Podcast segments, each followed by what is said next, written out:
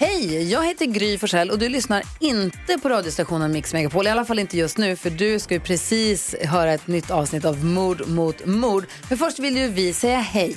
Hej, hej, det här är NyhetsJonas. Det här är Carolina Widerström. Och här är Gullige Dansken. Ja, och så Gry då. Och det vi vill säga att när du har lyssnat klart på den här podden, då får du gärna lyssna på våran. Vi spelar in ett nytt avsnitt varje morgon av våra podd Kvartsamtal. Och hela radioprogrammet blir ju också en podd om man är väldigt morgontrött eller så. Just det, om man missar morgonen ja. Men mest av allt så får du gärna lyssna på programmet i direktsändning varje morgon på Mix Megapol. Live varje morgon från klockan sex och då har vi med oss massor med vänner också. Thomas Bodström, Babben Larsson, Johan Pettersson, Christian Luuk. Massor med coola människor som bara dyker upp och gör livet bättre. Ja, som jag, Gullige Dansken. Exakt så. Och så mycket bra musik och annat skoj såklart. Så vi hörs när du vaknar på Mix Megapol.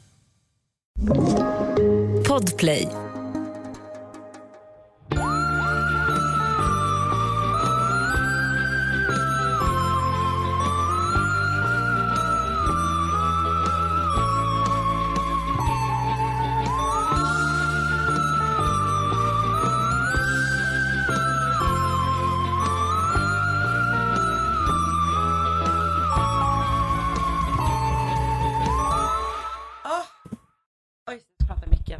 Nu pratar jag i micken. Man glömmer det ibland. Alltså jag blev för, jag var liksom för bekväm kände jag. Det var för mycket semestermode. Så skönt ju. Så värt. Så, va- så himla, himla, himla värt. Ehm, men då säger vi väl hej och välkomna Absolut. till, eh, Välkomna till som, till en första dag sommaravsnittet. Mm. Fan, tänk, vad Sommar jobbigt, i mord mot mord. tänk vad jobbigt om vi hade sänt en hel dag. Alltså jobbigt Ja. för de som lyssnar. Ja, ju, nej. Så Va? tråkigt. Det hade, varit, det hade varit så kul. För dem. Och för oss. Hade det verkligen det? Vänta, är Jag vi tillsammans på den här dagen eller är vi liksom var för sig? Jag tycker vi är tillsammans. Ja, då, då blir det ändå roligare. Ja, för på distans tänker jag. Ja. det är bara att man liksom går runt i sitt liv. Men jag tror att det hade ju varit liksom bara så, eh, fyra av åtta timmar hade varit att vi typ diskuterade vad vi skulle äta till mat. 100 procent. Och sen hade vi snackat skit om någon som en av oss inte vet vem det är men ändå hade engagerat Ändå sig väldigt kan mycket allt om. Ja. Exakt. Eh, och det är väl det eller? Jag tror precis. Det sums it up pretty good.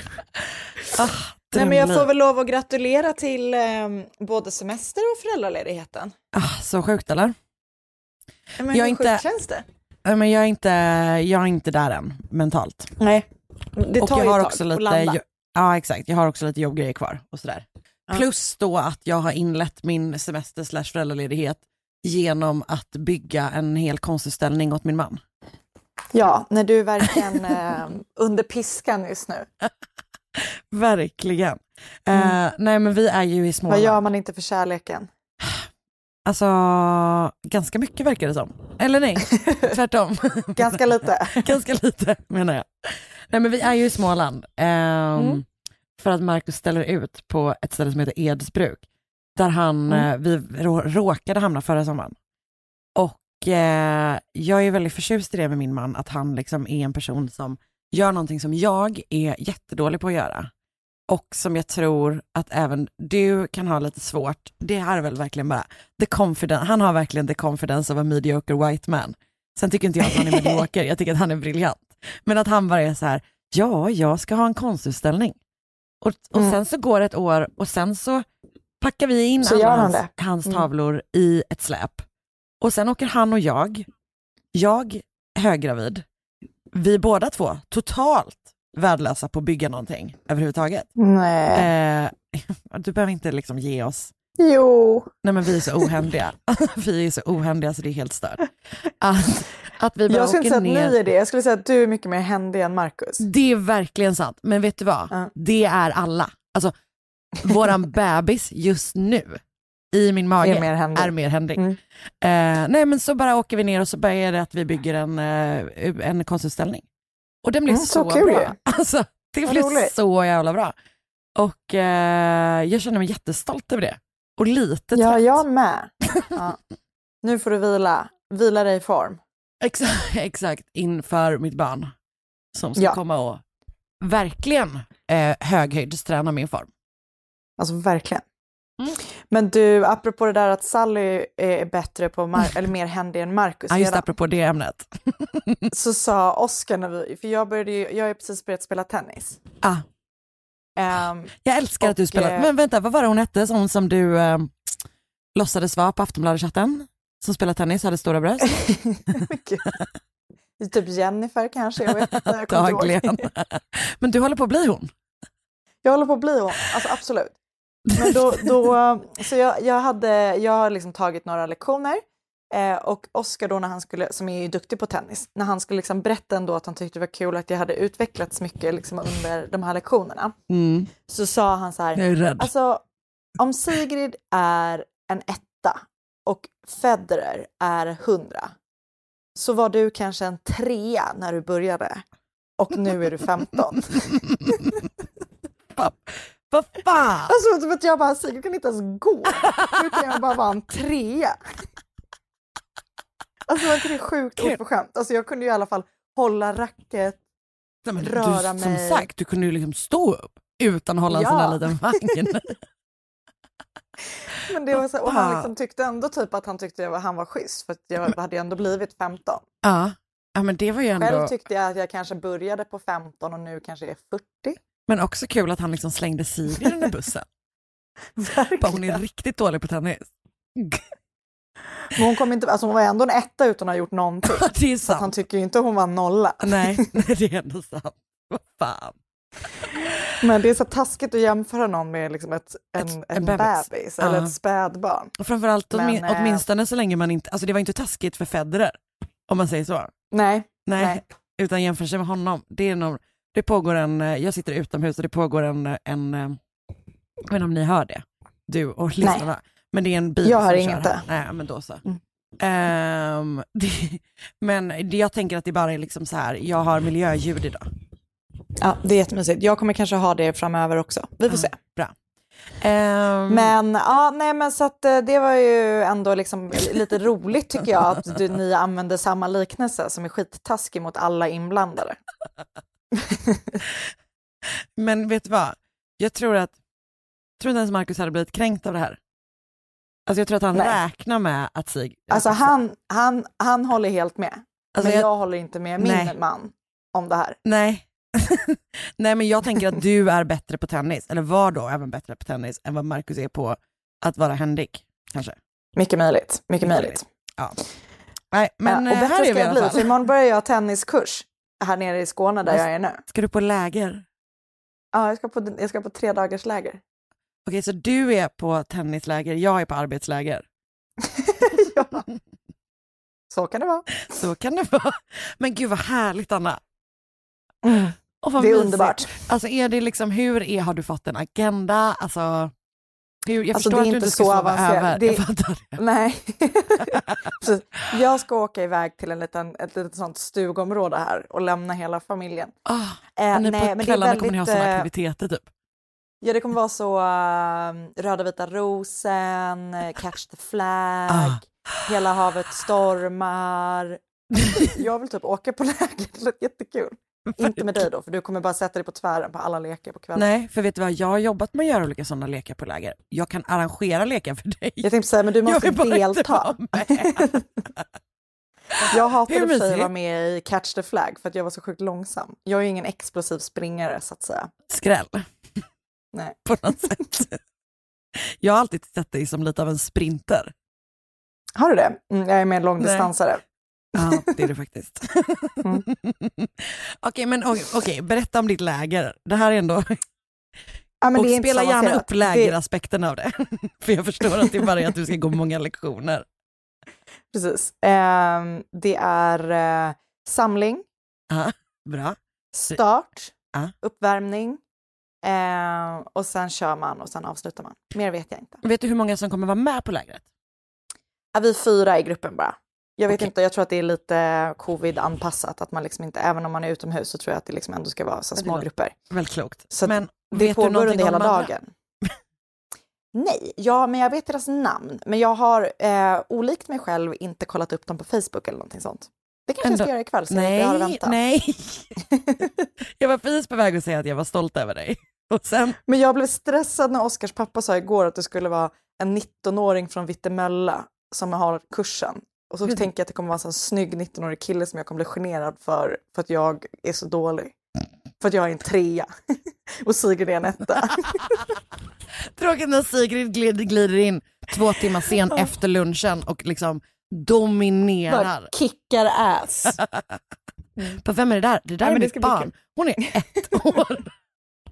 Men hon är som Serena Williams. Ah, tänk om du kommer bli en sån sportmamma. Mm. Tror du det? Japp. Eh, nej, Nej. jag tror typ verkligen inte det. Jag, Men Oscar har väl lite mer?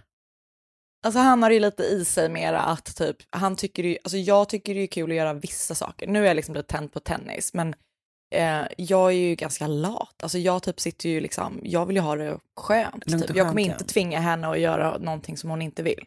Nej, bra. Det tycker jag var fint av dig. Men det är ju jättemånga föräldrar som verkar göra det. Ja, att det, man snarare utgår från sig själv än från som, vad barnet vill. Ja. Och typ så här, jag spelade, typ så här, jag red inte när jag var liten, eller jag spelade inte fotboll när jag var liten, så då ska fan du göra det. Ja, Jag var ju, hade ju lite för slappt när jag var liten, jag fick ju stanna hemma när det regnade och just sånt du tycker så lugnt. du var ju inte den som, alltså dina föräldrar var ju, erkänn, de var inte så här, nej vet du vad, om du har börjat så får du gå klart terminen. Absolut inte. Alltså, Jag slutade ju på karate när jag hade klivit i den heliga sanden efter två gånger. Fast vet du vad, det gick inte att hämta sig från det. Nej. Så det var nog lika Nej. bra. Det var lika bra, helt rätt.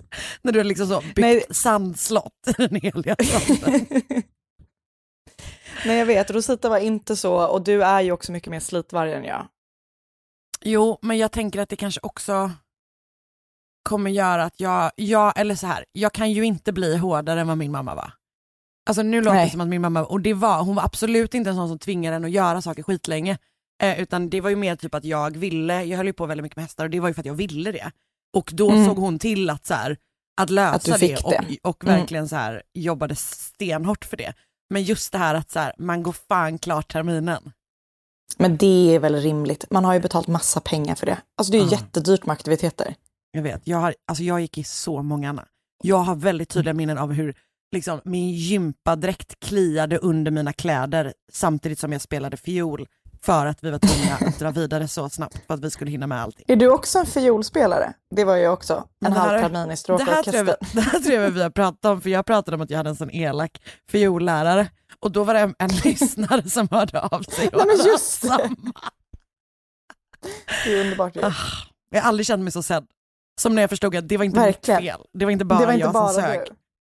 Nej. Så, Sigrid är ju, om Du Sigrid var en etta, om Sigrid var en etta på fiol så var jag en två och en halva. Du, då var jag en ett och en halva. Jag var så jävla dålig.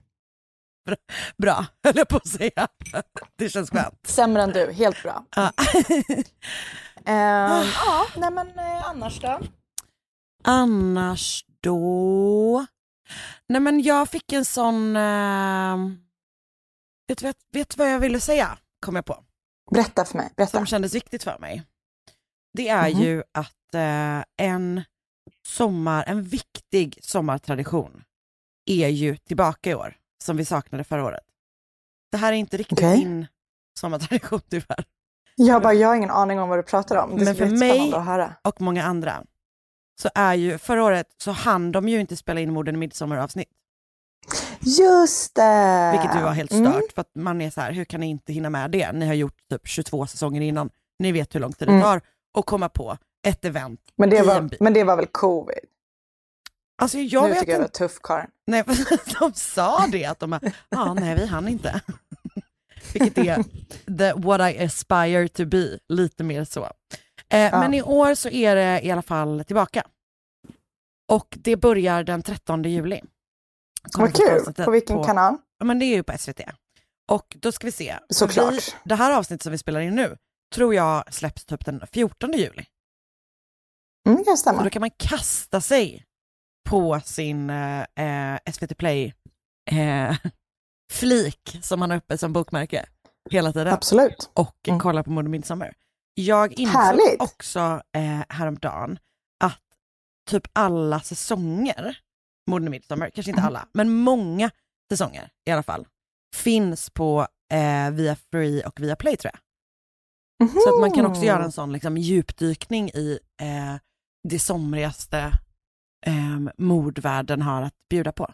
Fick lite Morden i Midsommar-feeling på nu när vi har varit på det här bruket och byggt den här utställningen. Ja, jag förstår det. För att det är ju väldigt ofta liksom, alltså att det är upptakten till ett event som det handlar om.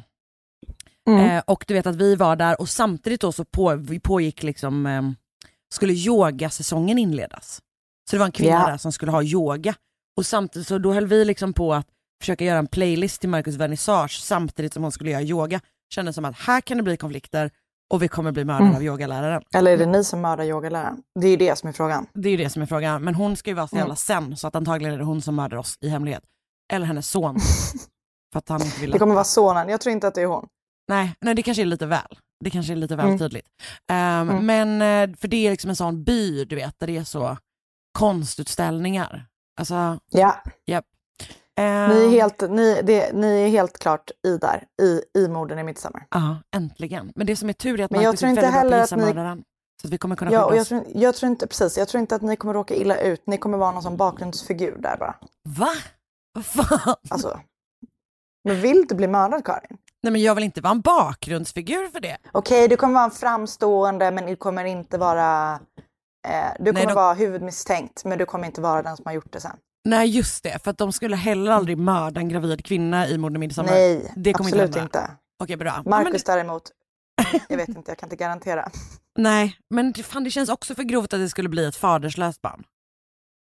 Ja, vi Ja, får se. lite. Det är inte lika säkert Vi får Marcus. Vi får se. Vi får Nej. verkligen, verkligen se. Eh, annars för dig, har du någonting som du känner att du Nej, brinner för nej, här i världen? nej. Nej, hör du. Nej, men min födelsedag är ju då idag om 15 dagar. Så att, ehm, alltså när det här släpps då, om 15 dagar. Vänta, Eh, vänta, vänta, att- vänta, vänta. nu måste du klargöra. Är din födelsedag när det släpps och sen 15 dagar framåt? Ja, Okej, men så det, alltså, så det är väl tre veckor kvar nu ungefär. just det. Hur har du börjat Mm. känna pirret? Lite faktiskt. Det är gulligt att Eh, du vi gillar din bokat, födelsedag. vi, har- vi ska, Oskar har sagt att vi kan fira två kvällar i rad. Så vi ska ha en tu man hand middag på en restaurang här i krokarna som jag har velat gå till ända sedan jag blev ihop med Oskar. Typ. Eh, och eh, som heter Talldungen. Jag vet inte om du har hört om den. Den ska tydligen vara jättenice. Och sen så um, ska vi fira med Oskars familj och min familj som är här nere då. Det ska bli jättemysigt. Så jag laddar väl mest för det. Ja, jag förstår det. Jag förstår det. Har du börjat skriva önskelistan? Nej, jag faktiskt, vet du, jag har varit så himla vuxen i år att du vet, jag tänker så här, jag kommer nog kanske inte, jag tycker typ att det känns rimligt att eh, i år kanske det inte blir någon jättefin present. Eh, och det är faktiskt från botten av mitt hjärta, för det känns som att vi ska ju köpa en ny lägenhet. Det känns som att jag vill lägga alla pengar där. Och på min nya sportkarriär. Just det, den. Okej, två saker. Är du säker på det här? För sånt här får man faktiskt inte säga om man faktiskt menar det. Om man inte menar det. Jag, jag menar det faktiskt på riktigt. Och, Och- det är faktiskt helt sjukt att jag säger det. Alltså, jag för jag, tror, jag tror inte på dig. Tyvärr. Nej, alltså jag vill ju ha någonting. Men jag brukar ju alltid, Oskar blir stressad för han tycker jag önskar mig för dyra presenter. Och i år gör jag inte det. Det är så kul att du önskar dig för dyra presenter. Det är roligt på något sätt. Men i år gör jag faktiskt inte det. Nej. Jag känner mig att jag blivit så bortskämd av Oskar ändå. Hela det här året. Ja, ni ska ju också fira två kvällar i rad. Precis. Okej, men undrar vad Men Sigrid kommer ge dig? upp. Mm, alla andra får stå upp, precis. Ja. Sigrid, mamma, pappa, alla andra. Men Ja. Oskar är, han är klar. Ja, men bra. Okej. Ja. Nej men eh, så, så är det med det. Och jag har inte förtärt någonting spännande true crime-relaterat faktiskt på länge. Så att, ehm, Då har jag tips. Ja. Då har jag tips till dig. Eh, jag lyssnade på den här podden West Cork som jag pratat om mycket för att jag tyckte det var så Mm, himla mm. bra. Finns nu, jag är tydligen inte trött på den historien. För det finns Nej. nu en Netflix-serie i tre delar Oho. som heter Sophie. Eh, som handlar om det fallet. Och eh, jag och Marcus har sett den de senaste dagarna. Och eh, det förvånar mig inte alls, men det är verkligen en, eh, ett fall som typ förtjänar att ha eh, liksom rörligt material till. För att miljöerna är, alltså det är liksom så här rural Irland. Eh, Mm. Och det är såna jävla miljöer. Typ. Så att den, eh, det är alltså typ ja, men tre timmar liksom. Och den var jättebra. Och eh, det är ju ett väldigt spännande fall som är jättesorgligt om en, kvinna som heter, en fransk kvinna som heter Sophie som ju hittats mördad vid sitt Mm. hus på liksom landsbygden eh, på eh, Irland då. Och eh, det är ett eh, fucked up jävla fall. Men det var en jättebra och det är liksom mycket eh, mycket hennes familj med men också mycket folk från Irland. Så det är liksom en, den känns väldigt så här eh, balanserad och bra och värdig typ. Ah, Så vad den nice. tycker jag att jag, Sophie. den kan jag eh, eh, rekommendera. Ja, Sophie, exakt. Eh, Vad nice, då ska jag titta på den. mm, bra, det tycker jag, tycker jag verkligen. Jag, jag börjar titta på Bachelorette, men det är ju inte heller true crime-relaterat. Nej, okej, men vill du ändå, har du något? alltså, alltså det, det är kul. Det är bra. Det kommer vara en bra säsong. Jag menar, jag har ju sett, börjat se om Below Deck, så jag tror att vi ändå ska, alltså du letar ju ändå framåt i din liksom, eh, ehm, good bad tv-konsumtion. Mm, men du är inte redo för det än. Nej, jag är fan inte det. Alltså jag behöver tradition, trygghet och andra konservativa värderingar Precis, exakt så är det. på en yacht eh, där de bråkar med varandra. Nej, men eh, så, att, så att jag tycker att du ska liksom inte, jag är, jag är glad för din skull. Jag vet om hur glad du blir av Bachelor och Bachelorette, liksom universumet. Helt otroligt faktiskt. Bra. Mm. Men du, eh, vi gör ju lite specialavsnitt Idag har vi nu. ju special... Special, special. Specialet är ju att vi nu under en månad framöver tror jag, så släpper vi Mm. avsnitt varannan vecka. Det är också för att vi ska kunna fortsätta släppa, eh, att det inte ska bli något stort glapp typ när jag föder ett barn. Så att man tjänar på det i längden. Det är som det här marshmallows-experimentet fast vi tvingar er att ta det här beslutet där man får fler marshmallows. Då. Eh, Precis. så att idag så är det, vi gör ett fall per avsnitt helt enkelt. Ja, Och vi släpper men det kommer bli toppen ändå. Det kommer bli toppen. Vi har skrivit långa, långa manus. Långa. jag jösses. lovade ju dig innan ett långt, dåligt manus. Och det jag kommer vara långt och underbart. Ja, men jag tror att det kommer bli, jag vet, är det jag som börjar förresten? Vem är det som börjar? Det vet jag inte. Ska vi... Börjar du? Kör, Ja. vi kör så ser Ja, vi. vi kör. Poddtips från Podplay. I podden Något Kaiko garanterar östgötarna Brutti och jag, Davva, dig en stor dos skratt. Där följer jag pladask för köttätandet igen. Man är lite som en jävla vampyr. Man har fått lite blodsmak och då måste man ha mer. Udda spaningar, fängslande anekdoter och en och annan arg rant. Jag måste ha mitt kaffe på morgonen för annars är jag ingen trevlig människa. Då är du ingen trevlig människa, punkt. Något Kaiko, hör du på Podplay. Därför är gardinerna.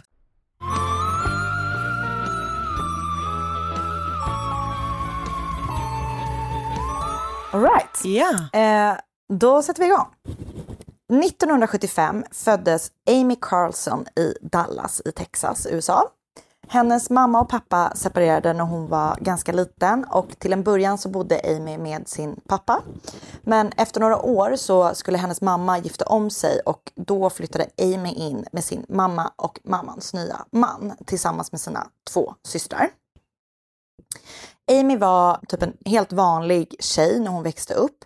Du vet, hon hade en helt vanlig så medelklassfamilj och hon var snäll och trevlig och duktig i skolan. Och hon hade bara så straight A's. Och hon sjöng i en kör och du vet så. Hur bra på fiol? Eh, hon var väl kanske typ en, om du är en två och en halva kanske hon var en fem och en halva. Ja, ja. Bra, helt rimlig på fiol. Ja. Ja. Jag vet inte ens om hon spelade fiol, men om hon hade gjort det så hade hon varit en fem och en halva. Japp. Mm. Det som däremot var i hennes eh, uppväxt och även liksom tidig vuxen adulthood var att hon hade problem med liksom vilka killar hon träffade. Hon hamnade ofta i relationer som inte var bra för henne och där hon eh, liksom blev illa behandlad och sådär.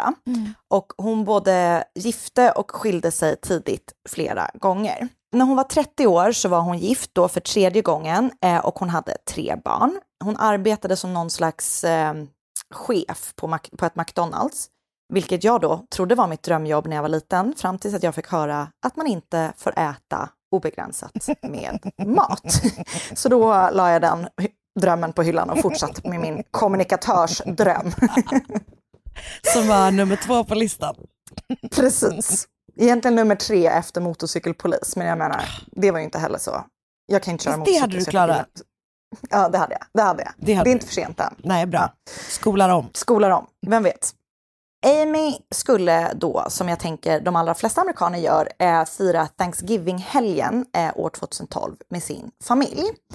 Men under kvällen så reste hon sig och sa att hon skulle eh, åka på ett ärende och sen kom hon bara aldrig tillbaka. Det visade sig då att Amy, som ju var gift, eh, hade träffat en annan man online. Ah. Den här mannen heter Amarith och han kallade sig själv för Father God. Han Okej. och Amy hade då träffats på nätet och uppenbarligen har de då blivit kära varandra, i varandra och hon lämnade då allt hon hade för honom. Du vet, sin man, sina tre barn, sitt jobb. Och Mitt han i en är, middag lämnade hon. Mitt i en middag. Mm. Hon bara drog typ. Och han är TBH bara en typ skäggig gubbe. Eh, och Det låter i och för sig han- som Father God. Det låter som Father God. Och han låter så småningom Amy förstå att hon är Mother God. Och efter att hon har träffat honom så börjar då hon intressera sig för, man kan väl säga att det är lite andra saker än vad hon eh, tidigare har haft liksom, för sig. Tillsammans så flyttar de till ett område som heter Creston i Colorado. Och Creston är ett område som är känt för att vara så väldigt spirituellt. Området anses vara heligt av två olika grupper av den amerikanska ursprungsbefolkningen och idag verkar det vara liksom något slags eh, spirituellt center där flera olika religioner och trossamfund finns representerade. För där finns det då ett hinduistiskt tempel, ett zen-center, ett katolskt kloster och flera tibetanska buddhistiska centers. Här då i det här området så är det också många olika så new age happenings som brukar liksom ja, de, de, de har, jag vet inte om de har något eget liksom, centrum, men de gör du vet, olika De är där. ritualer. Eller, Ah. Ja, de är där. Så hit flyttar då Mother och Father God. Och de blir då väldigt eh, intresserade av new age-rörelsen. Och Amy hörs i videos prata om rymden och hur molnen egentligen är, du vet, eh, någon form av rymdskepp. Och eh, hon pratar också om att man kan uppstiga till en högre medvetenhet och typ till en högre nivå och så vet sådana där saker. Ah. Och här då, när de har kommit dit, så blir Father God, och det är möjligt att han har varit medlem i den här gruppen innan, men de två blir i alla fall, de är, liksom, är med i en grupp som kallar sig Galactic Federation of Light. Och där lever de liksom för ett uppvaknande och för peace, love and unity. Wow. Den här gruppen kommer senare att byta namn till Love has won. Och när Amy och Father God, då Amarits relation tar slut och de hävdar då var och en för sig att det är av olika anledningar, så träffar Amy en annan man som hon inleder en relation med eh, och han tar helt enkelt bara över den här titeln eller det här namnet Father God då. Ha. Så då har hon liksom en ny Father God. Hon är fortfarande Mother God och jag vet inte vad den liksom, första Father God egentligen har att säga om det, men, men hon byter liksom ut honom egentligen. Ha. Och tillsammans med den här, verkligen, och tillsammans med den nya Father God så blir Amy mer och mer framstående i den här gruppen då som så småningom blir Love has won. Och man kan väl säga att hon egentligen blir typ gruppens ledare. Och så småningom byter hon också ut den här andra Father God till en tredje och sen så byter hon och byter och byter. Så det, hon har liksom olika Father Gods och vissa blir mer och andra blir mindre långvariga. Ha. Gud, intressant. Eh, och ja, väldigt spännande. Känns, känns liksom ovanligt att man gör det så ofta. Men undrar, det kanske Ja. är ett sätt att liksom behålla sin egen position på något sätt genom att vara den konstanta liksom. Ja, för jag tänker precis, det är väl lite samma grej som att hinna dumpa någon innan man själv blir dumpad. Typ. Verkligen. Om du förstår. Jag Att, fattar, eh, jag fattar. mm. Eh, och någon gång, alltså typ början på 2018 tror jag att det är, eller det är under 2018 i alla fall, så träffar hon då en ny man vid namn Jason Castillo och han blir då den sjätte Father God. Så innan jag går mer in på vad som händer liksom kring Amy, då Mother God och den här gruppen eh, Love as One så ska jag berätta lite mer om då Love as One, vad de tror på, eller vad det liksom är för grupp. Och kort och gott så bygger Love as Ones tro på en blandning av new age-element, olika element från de abrahamitiska religionerna, men också på olika konspirationsteorier. Perfekt. Så de har så ut, utvalda delar från eh, QAnon ehm, eh, eller konspirations... Ja, du vet. Ja.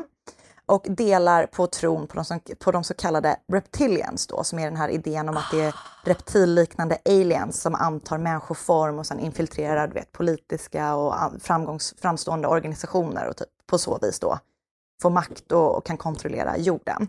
Så det är liksom en ganska salig blandning av eh, olika, ja, de har liksom bara blandat Ah. hej vilt från saker som de typ De bara, och det här, och det här, och det här.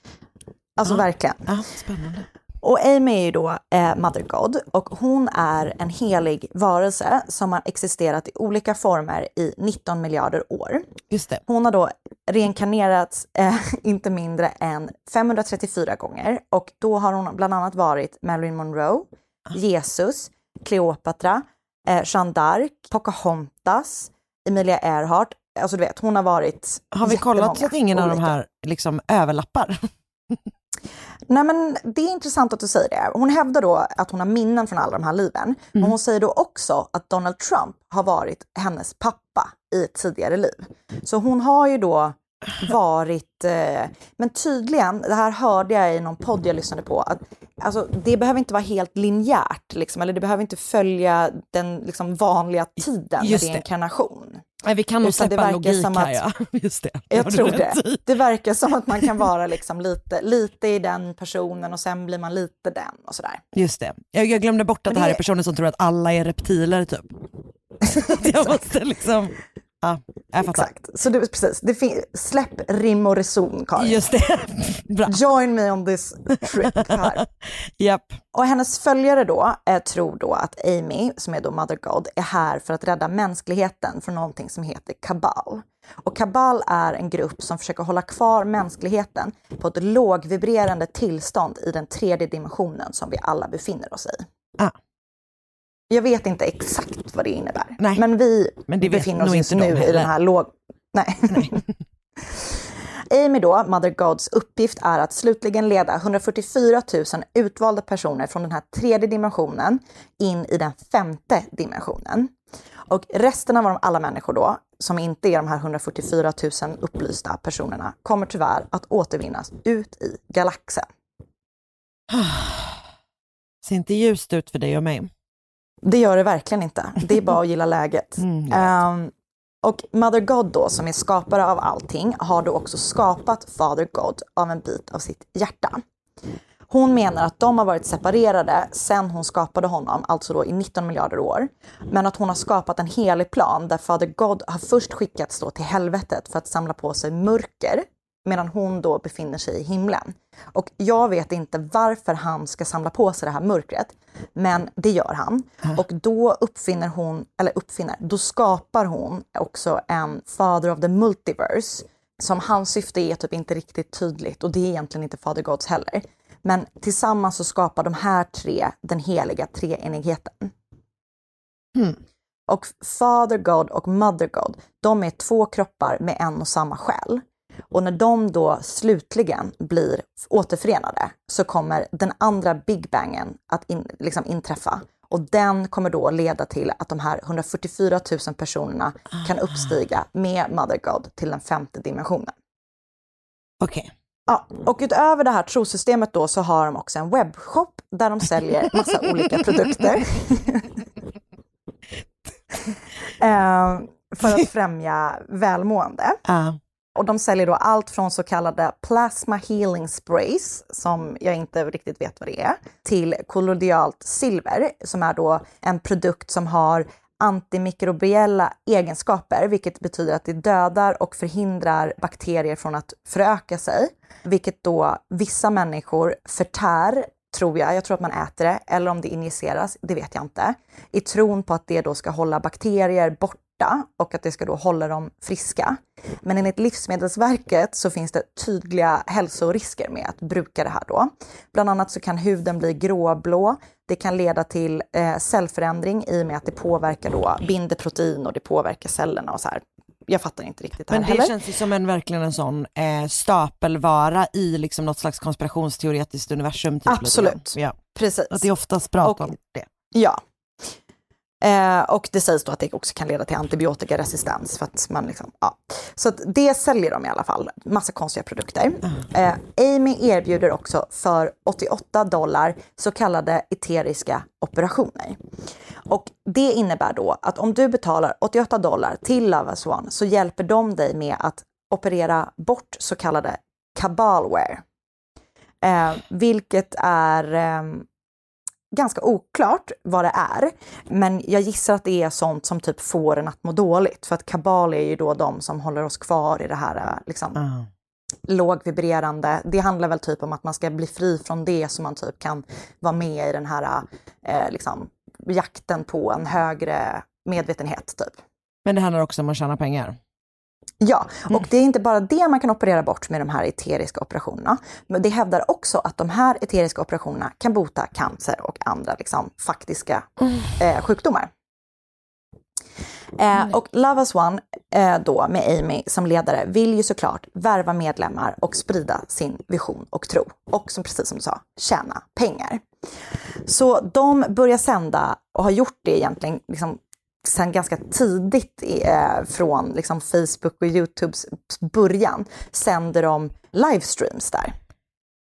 Så de sänder två stycken eh, om dagen där de pratar om då sin tro och vad man kan göra för att ansluta och vad man kan göra för att må bättre och de typ eh, ja, propagerar för sig själva helt enkelt. Den första sändningen per dag börjar då klockan sex, vilket är sjukt tidigt, men ingen medlem i gruppen får sova längre än till fem och ingen får gå och lägga sig före midnatt. Eh, hon tror helt enkelt inte på att sömn gör en eh, till en bättre person. Det handlar väl också jättemycket om att hon då försöker liksom, alltså när man är trött eh, så blir man typ. ju, exakt. Det finns också ett gäng i den här Love Us One som heter First Contact Ground Team, vilket då egentligen är Amys fotfolk och hennes typ missionärer. De sprider hennes ord och hon, det är liksom hennes mest trogna följare. Eh, de tror verkligen på att Amy är Gud och att hon ska rädda alla från jordens mörka krafter.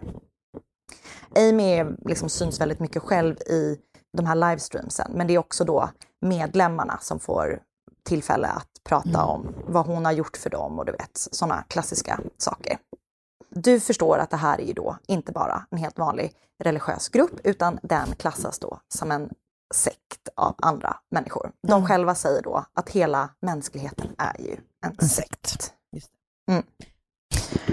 Och även om det verkar som att gruppen typ har sysslat med shady saker ända sedan dess begynnelse, så när Amy träffar den här Jason då i 2018, som blir den sjätte Father God, så verkar allting liksom ha ställt sig mer, alltså det verkar spetsats till ännu mer, man ska säga. Han har ett ganska liksom, gediget straffregister och där det vet, är allt från eh, rattfylleri till eh, alltså barnmisshandel. Och även om Amy då och Love as One, deras eh, officiella ställning är att man inte får ta droger och inte bruka sånt som typ eh, kan liksom, ja, ja, man får inte bruka droger helt enkelt, så dricker Amy extremt mycket alkohol och vissa hävdar då även att hon nyttjar droger själv. Och det här gör henne då extremt oberäknelig och aggressiv och utåtagerande. I de här livestreamsen då som finns både på Facebook och på Youtube så är hon ofta alltså, ordentligt berusad. Det är liksom, I början av det här så är det ganska liksom eh, städat eller vad man ska säga. Det blir mer och mer konstigt eh, och läskigt ju längre tiden går. Liksom där runt 2012-2013 när hon började sända, då är hon liksom Alltså hon säger fortfarande saker som man själv kanske inte håller med om. Men ju, ju längre tiden går så blir hon Alltså det blir jätteobehagligt. De är rent av rasistiska och antisemitiska i liksom många av deras videos. De uttrycker saker som jag absolut inte kommer återge här, för de har helt liksom, vidriga åsikter om människor, alltså mänskligheten, typ, som inte är de själva. Det finns också rykten om gruppen som innefattar då sexuella övergrepp, in, inblandning i olika fall av saknade personer, bedrägerier, alltså you name it. De har allt eh, mot sig. Det finns då också livestreams där Amy misshandlar djur och gör ehm, liksom också typ, liksom, inte misshandlar barn direkt liksom sådär fysiskt, men gör liksom helt klart Psykiska. psykisk misshandel och väldigt tveksamma saker. I någon slags tro om att eh, det är uppfostran typ, att de ska liksom övervinna sina rädslor typ och sådana saker. Och det här sänder de live liksom. Ja, allting. Alltså det är helt galet. Hur många livesändningar är det per dag liksom? Typ. Två. Två. Ah, shit alltså. Så de sitter typ och är så här, hon är typ packad och sen så bara sänder de det Ja. rakt ut till, jävlar Mm. vad sjukt. Och hon eh, typ alltså skriker och skäller ut sina medlemmar i de här streamsen också för typ de mest banala sakerna. Ett klipp som jag liksom både har sett och hört på flera ställen så är det, hon har bett om att få chicken parmesan till middag. Men en av hennes följare då har istället kommit med köttbullar till henne. Och hon tappar det. Alltså hon skriker på ett sätt som är liksom, alltså hon är jätte Läskigt. påverkad Ah. och eh, bara skäller ut honom och det är helt sjukt att se på. Och eh, även om det aldrig har bekräftats så är det många som hävdar då liksom som har lämnat eller som har då, alltså du vet som, som, som har studerat det här, att Amy förmodligen lider av en psykisk sjukdom som hon då inte får behandling för eller hon vill inte ha behandling för. Och det sägs även då att hon då har ju varit i jättemånga abusive relationer innan hon träffade den första Father God. Och att hon då var väldigt öppen för att han kunde hjärntvätta henne in i det här. Flera av hennes tidigare pojkvänner, liksom innan hon gick med i den här gruppen eller den här sekten, har också då vittnat om att hon har alltså haft äh, problem med missbruk av alkohol, framförallt långt innan hon blev Mother God. Eh, och att eh, hon liksom väldigt länge har druckit mycket, mycket mer än vad hon liksom ska och mår bra av. Alltså hon känns ju liksom på ytan sådär ganska mycket som en som en, en liksom vanlig, vanlig person som du går med i en sekt. Alltså att man är ganska ut, alltså man, man kommer från en utsatt bakgrund på grund av massa olika anledningar. På grund av missbruk eller på grund av att man har Mm. varit i massa vidriga relationer och blivit utsatt för massa liksom, vidriga människor. Men det som är intressant med det är ju att hon sen blir ledare liksom. Nej, Alltså- ja, alltså verkligen. det är liksom, det är ändå typ en historia man inte har hört så många gånger typ, eller fattar du vad jag menar? Nej, Det är jätte Nej. intressant, oj läskigt och det är läskigt. Mm. Ett poddtips från Podplay. I fallen jag aldrig glömmer djupdyker Hasse Aro i arbetet bakom några av Sveriges mest uppseendeväckande brottsutredningar. Går vi in med hemlig telefonavlyssning och, och då upplever vi att vi får en total förändring av hans beteende. Vad är det som händer nu? Vem är det som läcker? Och så säger han att jag är kriminell, jag har varit kriminell i hela mitt liv men att mörda ett barn, där går min gräns. Nya säsongen av Fallen jag aldrig glömmer på Podplay.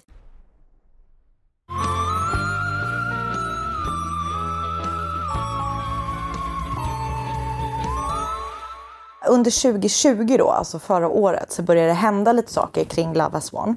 Och Amy då och gruppen, eller sekten, börjar också utnyttja då allting dåligt som händer, om man ska säga, i och med covid och pandemin. Just det, såklart. Och de använder det och att folk blir av med sina jobb och du vet sånt. För, och att alla är rädda för att det är då ett virus som dödar hur många människor som helst som ingen vet någonting om till att rekrytera då människor till eh, Love has one. Fan vad det där känns som att det är, är vanligt och det är hände så jävla mycket läskigt. under förra året alltså.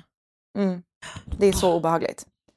Och eh, under våren, tidiga våren 2020 hittar då en man vid namn Witten, heter han i efternamn. Jag har inte hittat hans eh, förnamn någonstans, till Love has one. Han har då en fru och två små barn. Eh, han har ett bra jobb och ett fint hus. Vet, allting är liksom under kontroll. Men i och med covid så tror jag att han blir av med sitt jobb. Eller han, det är någonting som händer som gör att han då ja, börjar söka efter något annat. Så han, eh, det börjar med att han då börjar köpa de här eteriska operationerna eh, online. Och totalt så typ donerar eller handlar eller vad man ska säga eh, han för eh, 15 till 20 000 dollar. Vilket ju är ganska många köp om man tänker att varje köp kostar 88 dollar. Jävlar ja. Mm. Och hans fru märker ju då liksom att det här inte är bra. Han pratar väl typ jättemycket om det hemma och du vet så. Så i något slags försök att eh, stoppa att han ska liksom, involvera deras barn och att han ska skuldsätta dem i att göra massa fler såna köp och du vet sånt. Så kontaktar hon en advokat för hon vill då skilja sig, hon vill skriva, vet, barn, hon vill flytta med barnen, hon vill få tillåtelse att lämna honom för att så här, ja, och då hjälpa honom. Men eh, han är helt eh, inne i det här.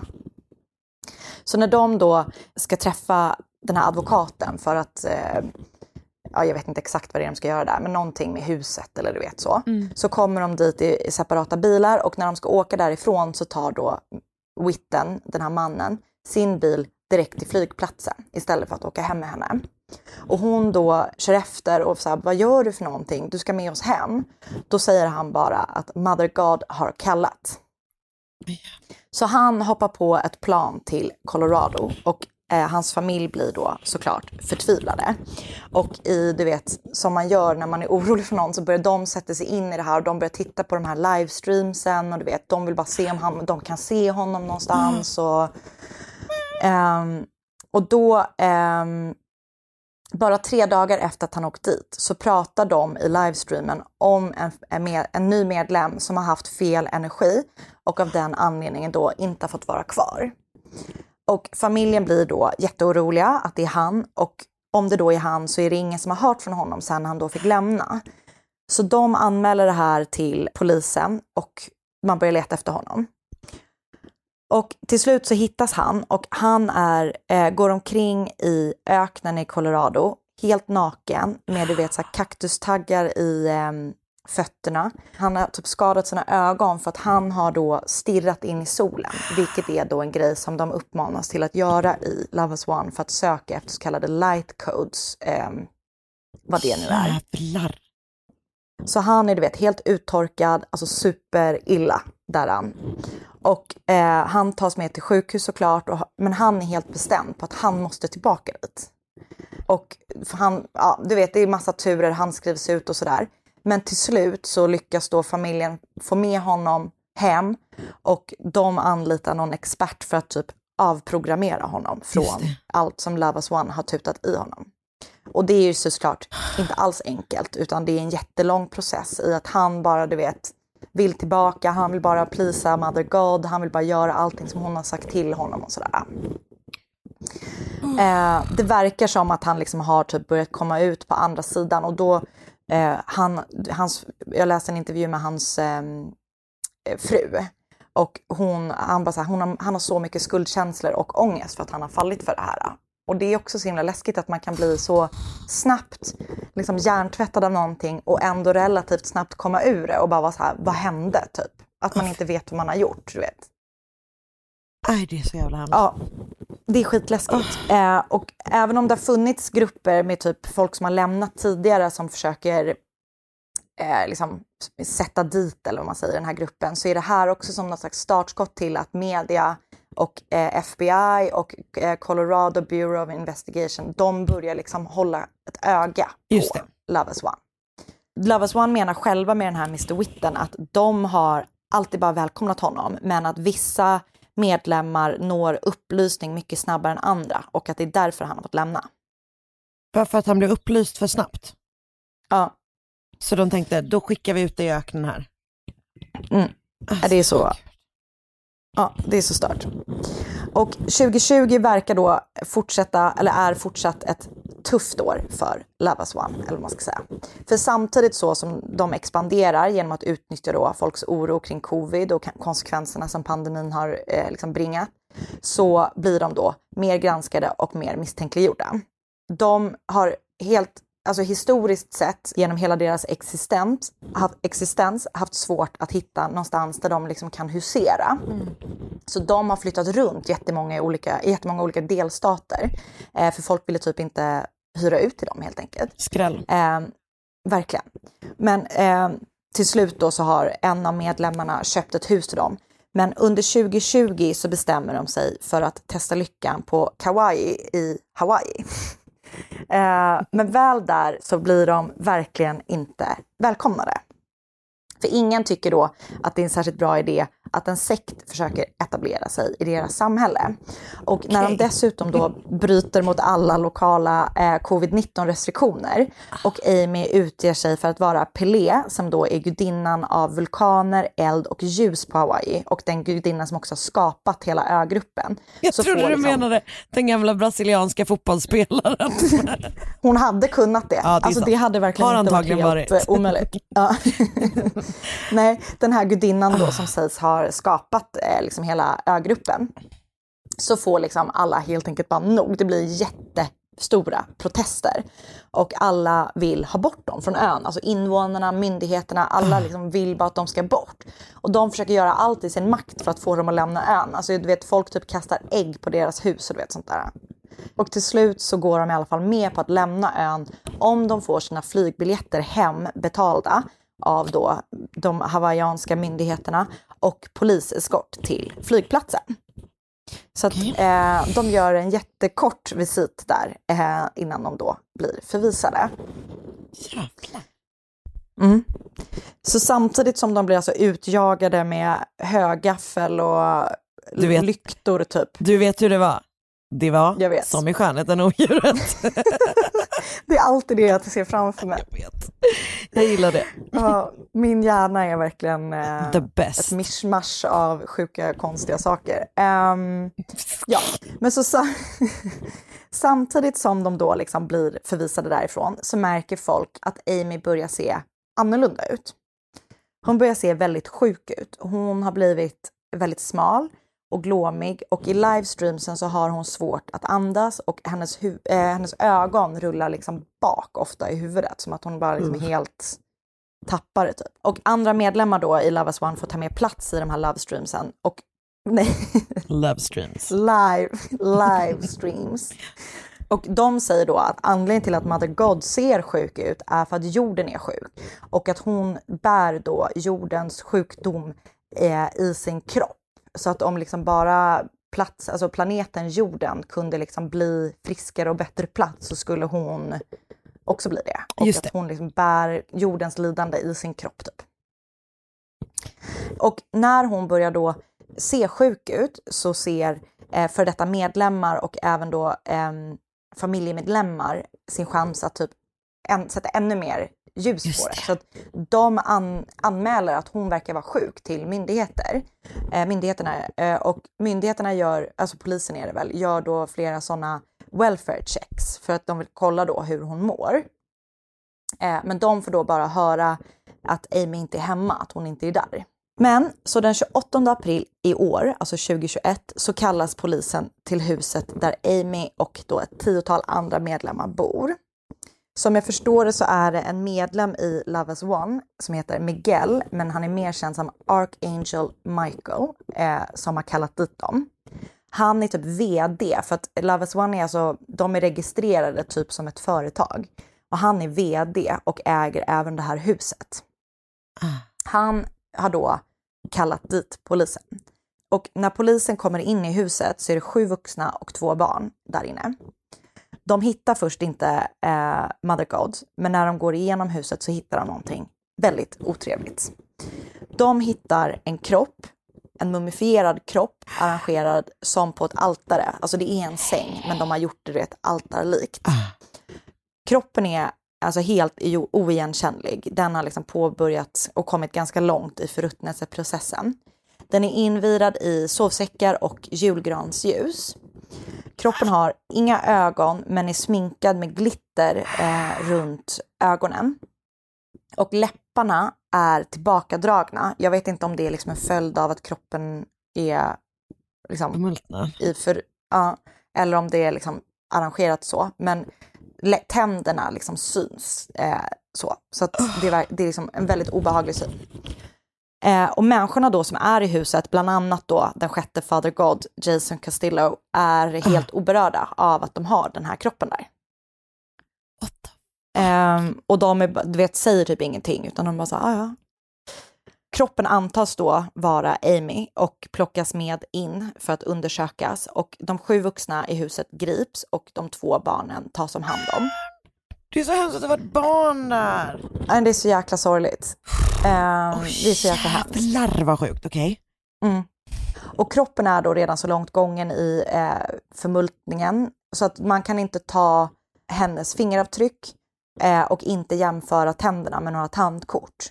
Så Amys mamma ombeds att lämna ett DNA, eh, eh, DNA för att man kan liksom, så man ska kunna testa om det är hon. Och det är då Amy. Och det är oklart vad som har hänt veckorna liksom innan hennes död, för hon har inte synts i några livestreams. Eller du vet. Jag tror man såg en bild på henne senast den 14 april och det här var då den 28 maj. Nej, vänta nu. Nej, 14 april, ja, två veckor innan då. Har man sett en bild på henne. Okej. Ehm, Men det skulle lika gärna Det- kunna vara taget tidigare egentligen. ja, och vissa tror då att hon kanske redan är död på den bilden. Mm. Åh fy fan Ehm, vad läskigt. skitläskigt. Det finns inga tecken på att hon har blivit utsatt för våld och liksom, det, det, hon är, det, är ingen som, det verkar inte som att någon har dödat henne utan hon verkar ha själv dött eller vad man Ah. säger. Och det verkar som att teorin är att hon har haft någon slags cancer och eh, som då inte har behandlats av läkarvård utan då av dem själva med de här eteriska operationerna och då med kollodialt silver. För hennes Well. kropp hade då börjat anta den här lite gråblåaktiga tonen som, det kan, som man kan få av det. De här, ja, det är så sjukt. De här sju vuxna då i huset, när, som var i huset när Amy hittades, är anhållna för, och jag tar de här på engelska för att jag vet inte exakt vad det heter på svenska, men det är abu, abuse of corpse, tampering with the body, child abuse och false imprisonment. Och child abusen är då såklart för att, jag, jag tror inte att de har liksom fysiskt misshandlat barnen, men de har liksom låtit barnen var vara hemma under de här hemska förhållandena. Ehm, och just nu är då de här sju vuxna i olika rättsprocesser och barnen är väl fortfarande, liksom de blir väl utplacerade, jag vet inte exakt vad som Nej. kommer hända med dem, men de är i alla fall omhändertagna. Det måste vara någon Och det var sån... små barn. Alltså jag tror de var typ så två och fem eller någonting sånt. Åh, Mm. Det måste vara någon sån typ brott mot griftefriden liknande liksom. Ja, exakt. Åh fy fan. Nej, det är så äckligt och hemskt. Eh, och även om Amy då inte längre finns eh, så menar många, både för detta sektmedlemmar och familjemedlemmar till nuvarande medlemmar, att det är liksom, risken är inte över. Eh, eh, och många är väldigt oroliga att det här liksom snarare ger dem en chans att typ ombranda sig och, och liksom eh, eh, kapitalisera, eller vad man säger, på att hon då har Att hon blir typ, uppstigit till något högre, att, hon liksom, att, att man kan fortsätta. hon lite som eh, och- martyr eh, Exakt. typ. Shit. Ehm, så att den är liksom fortfarande då i full gång. Och jag, jag, det är oklart om de fortfarande sänder sina livestreams, men det tror jag att de gör. Ehm, ja, Alltså, så att, eh, i hela... så sjukt. Det blir också något så... um, det här liksom konspirationsteorisamhället som ju är typ obehagligt jävla utspritt liksom. Mm. Och är så jävla läskigt. Det i kombination med de här traditionella liksom sektegenskaperna Mm. i liksom en modern setting med Facebook livesändningar Nej, gör det är så det här, alltså det är sån fruktansvärt obehaglig kombination typ, för att vi, vi, när man typ tänker sekt så är man ändå typ så Jonestown, eller du vet att det liksom är, det känns så jävla Mm. 70-tal på något sätt. Mm. Och så, ah, fan vad läskigt. Men det är väl, alltså jag tänker så här nu, nu liksom, alltså i, i vår tid så känns det som att folk verkligen håller på mycket med liksom att så försöka hitta sig själva. Alltså det känns som att det finns väldigt mycket för eh, hemska människor att utnyttja Ja. i typ sökande personer. Och dessutom har man väldigt lätt att eh, nå folk. Verkligen. Alltså Och gud, man nej. får ut, ja. Ja men och för att folk verkligen söker efter typ så, jag ska hitta min egen sanning. Mm. Och man är så här, nej men gör inte det. Det finns redan massa bra Vi har, sanningar. vi har en sanning här. Nu hänger vi Mm. på med den. Ja, det är så jäkla läskigt. Fy fan. Men så det var i alla fall historien om Love has won som fortfarande är ju liksom en pågående historia eller vad man ska säga. Det så där är... Jag känner mig liksom skakad. Ja, jag med. Och också det här att allt började med att hon ställde sig upp under en Thanksgiving-middag och gick Ja, därifrån. Och gick. Ja. Alltså hennes familj måste ju vara liksom så här fortfarande i total chock på något sätt. Verkligen. Och typ, hon har ju då tre barn och de, de är liksom bara så här, ja du vet, vi älskar fortfarande vår mamma men vi fattar inte vad hon har hållit på med. Typ. Hur många har liksom, alltså om man pratar följare, vet du liksom hur, hur, hur det, alltså Det- jag fattar att det är jättestor skillnad mellan typ vilka som har varit där, men vilka som Mm. har typ också så här, alltså hur många som har kollat på de här livesändningarna och så. Eh, jag vet faktiskt inte, men jag vet att det är liksom worldwide, att de Ah. har följare worldwide. Eh, liksom, ja. Och jag, jag vet inte gud. exakt faktiskt. Usch vad läskigt. Ja, Jätteobehagligt. väldigt obehagligt. Eh, jag har då sett en kort dokumentär på Vice i deras serie False Gods. Jag har lyssnat på en podd som heter Mile Higher om, och avsnittet heter då Love Has One. Jag läste en artikel på The Independent som heter They become rewired, a different person, inside the fight to deprogram Love Has One cult members, skriven av Jul- Justin Vallejo. En artikel på BBC som heter Love Has One, Family Grief, uh, uh, The Death uh, of Mummified Cult Leader, skriven av Joshua Newitt. En artikel på Denver Post som heter How a Texas Mom Left Her Family to Become Mother God, Leader of a Colorados Love Has One Cult, skriven av Noel Phillips och ett gäng Wikipedia-sidor. Och Livsmedelsverkets hemsida var jag också. Det var, jag tyckte det kändes så tryggt. När du, alltså när du satte igång med Livsmedelsverket. Ja, jag vet. Det känns som att då vet man att det stämmer. Det gör man verkligen, förutom om man då typ Mm. är med i en sekt och är så här, eh, de försöker också bara lura oss. Verkligen. Men vi tror, i, det vill, vill vi ändå vara tydliga med, att här i Vi Mord tror mot mord, starkt på Livsmedelsverket. vi tror på Livsmedelsverket. Mm. Åh gud Anna, tack snälla. Ja men tack Karin. Och jag kan också säga att just nu håller HBO på med en produktion av en dokumentär om det här. Så att det, jag vet inte när den är klar, men eh, det kommer ju liksom, det finns ju jättemycket om det här. Ah. Men det kommer nog bli en väldigt bra dokumentär för då, ja, jag vet inte, tänker jag mig bara. Ja. Det kommer bli spännande. Ja, också för att det kommer finnas så mycket rörligt material från, ehm, från Ja. gruppen. Typ. Ah, tack snälla du. Tack själv. Ska vi ehm, köra typ varsin lyssnarhistoria eller? Ja, det kör vi. Jag tänker att jag kör, bara så du vet. Ja men jag tycker du kör Så också. hinner du typ så här, kanske typ ta en klunk vatten om du vill. Jag tänkte ta en kopp kall kaffe som står här bredvid mig. Mm, gott. Okej. Jag lyssnar med spänning. Ja, Mm. då kör vi. Hej! det börjar så alltså. Eh, Mm. Har ingenting med mord att göra, vill jag vara tydlig med. Att det, alltså det här säger jag då. Det, Mm.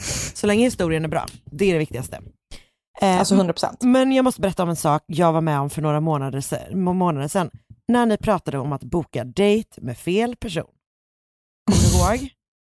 Nej, jag kommer inte ihåg, har vi pratat om det? Vi pra ja, vi pratade om, jag pratade om en, en kvinna som heter Joanne Wilson som eh, en, blev mördad av sin före detta man. Ja, och han ville boka en dejt med någon annan och sen så var Just det just det, fel just det, namn. just det. Så pratade vi om Just det. det. Ehm, Mm. Okej, så då fortsätter historien. Mm. Jag jobbade kväll på jobbet och var trött och lite stressad då det var mycket att göra. En person som vi kan kalla för Micke har skickat snap till mig och frågat vad jag ska göra på lördag. Det var, det var nu torsdag. Jag svarade på hans meddelande när jag kunde och sen slutade han skicka efter ett, eh, efter ett tag och hade uppehåll på ett par timmar. Ehm, efter, så ett par timmar senare så skickar Micke och frågar vad jag ska göra på fredagen. Jag svarar att jag jobbar till 22.30 men sen vet jag inte. Han frågar om jag vill träffas och jag var intresserad av Micke så jag svarar att det kan vi göra. Vi bestämmer att han ska komma hem till mig efter att jag har slutat jobba och sagt och gjort så på fredagen när jag väl kommit hem så ringer det på dörren. Nej. Jag öppnar och utanför står det en person som jag känner igen men för, som jag inte kan placera. Jag ser mycket chockad ut och han ger mig en konstig blick och säger "He- hej Då kom jag på vad jag har gjort. Det här är en annan Micke.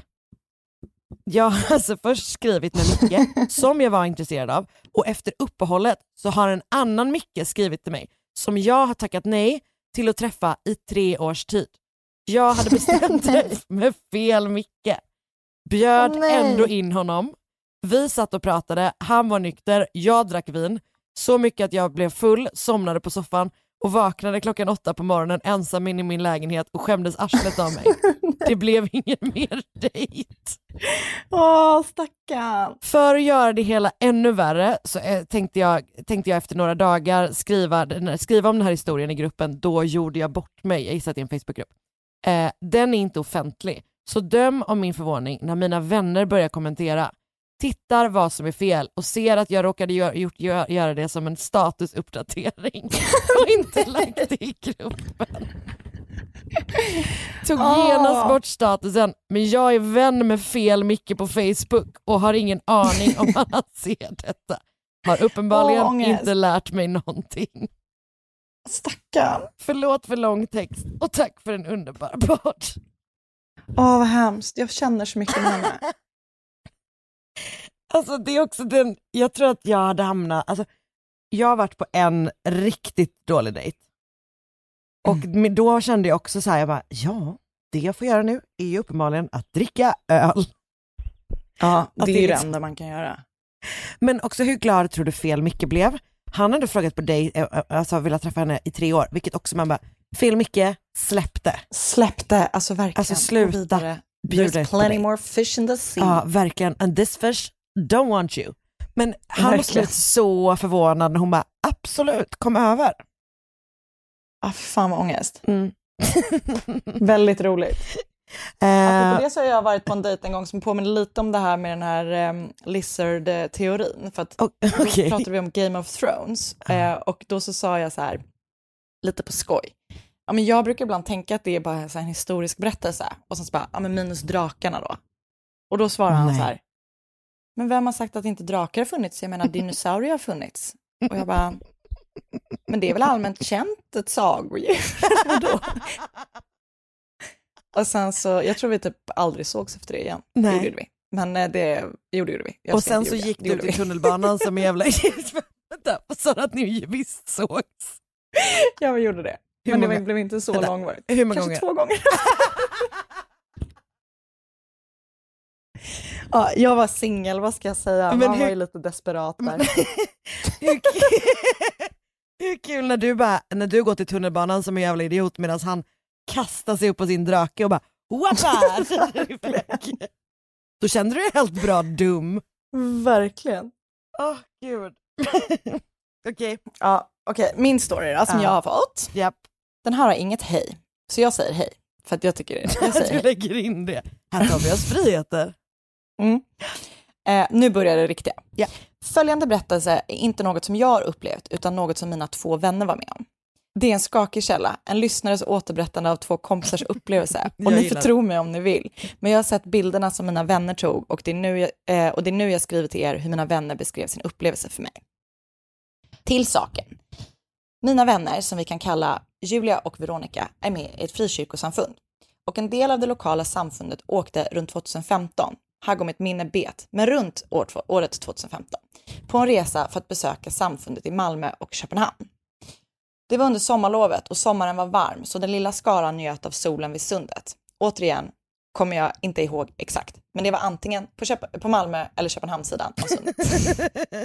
men jag tror ändå ni får en bild av det. Ja. Hur som haver lägger gruppen märke till en ubåt som stod uppställd längs vattnet. Och en man som gick runt ubåten och fixade. Både Julia och Veronica pratade med den danske mannen och berättade om ubåten och vad han höll på med. Eh, de tog bilder på och, på och med ubåten och så fortsatte de med sin dag. Det är inte förrän hösten 2017 som Julia och Veronica kommer att tänka på mannen med ubåten igen. Efter det uppmärksammade försvinnandet av Kim Wall må hon vila i frid. De letar fram bilderna de tog av båten och ja, mannen de mötte vid Öresunds kust var Peter Madsen. Återigen, jag har sett bilderna av ubåten, Julia och Veronica framför ubåten och Peter Madsen i bakgrunden. Jag vill inte på något sätt sen- sensationalisera Kim Walls tragiska bortgång eller Peter Madsens vidriga brott, men snarare ett exempel på hur folk som Madsen, sadistiska mördare, finns mitt ibland, mitt, mitt ibland oss och inte isolerade i en egen värld. Tack för ett underbart program, ni är grymma på det ni gör och all kärlek till er. Ah. Alltså jäklar. Alltså det är ju något med det där. För att, som hon skrev, att det är just det där att det här är människor som är liksom ute i, i världen. I livet. Ja. Ja. Som liksom så bara så tar obehagligt. lite bilder med typ två random tjejer. Tjejer. Alltså, Mm. och samtidigt pågår något slags jävla Nej, det är så jävla hemskt. kaos i hans huvud typ. Usch. Mm. Gud vad obehagligt. Nej, fy. Ja, men tack för den berättelsen. Väldigt läskigt. Puh. Och tack Puh. till er som har uh, lyssnat. Får vi väl säga. Tack snälla. Mm. Och, eh, Då hörs vi om två veckor va? Det gör vi absolut. Då är det min tur att berätta en historia. Jag ser fram emot det. Hej då! Hej då! Tack för idag. Puss puss! puss. Ett poddtips från Podplay. I fallen jag aldrig glömmer djupdyker Hasse Aro i arbetet bakom några av Sveriges mest uppseendeväckande brottsutredningar. Går vi in med hemlig telefonavlyssning och, och då upplever vi att vi får en total förändring av hans beteende. Vad är det som händer nu? Vem är det som läcker? Och så säger han att jag är kriminell, jag har varit kriminell i hela mitt liv men att mörda ett barn, där går min gräns. Nya säsongen av Fallen jag aldrig glömmer på Podplay.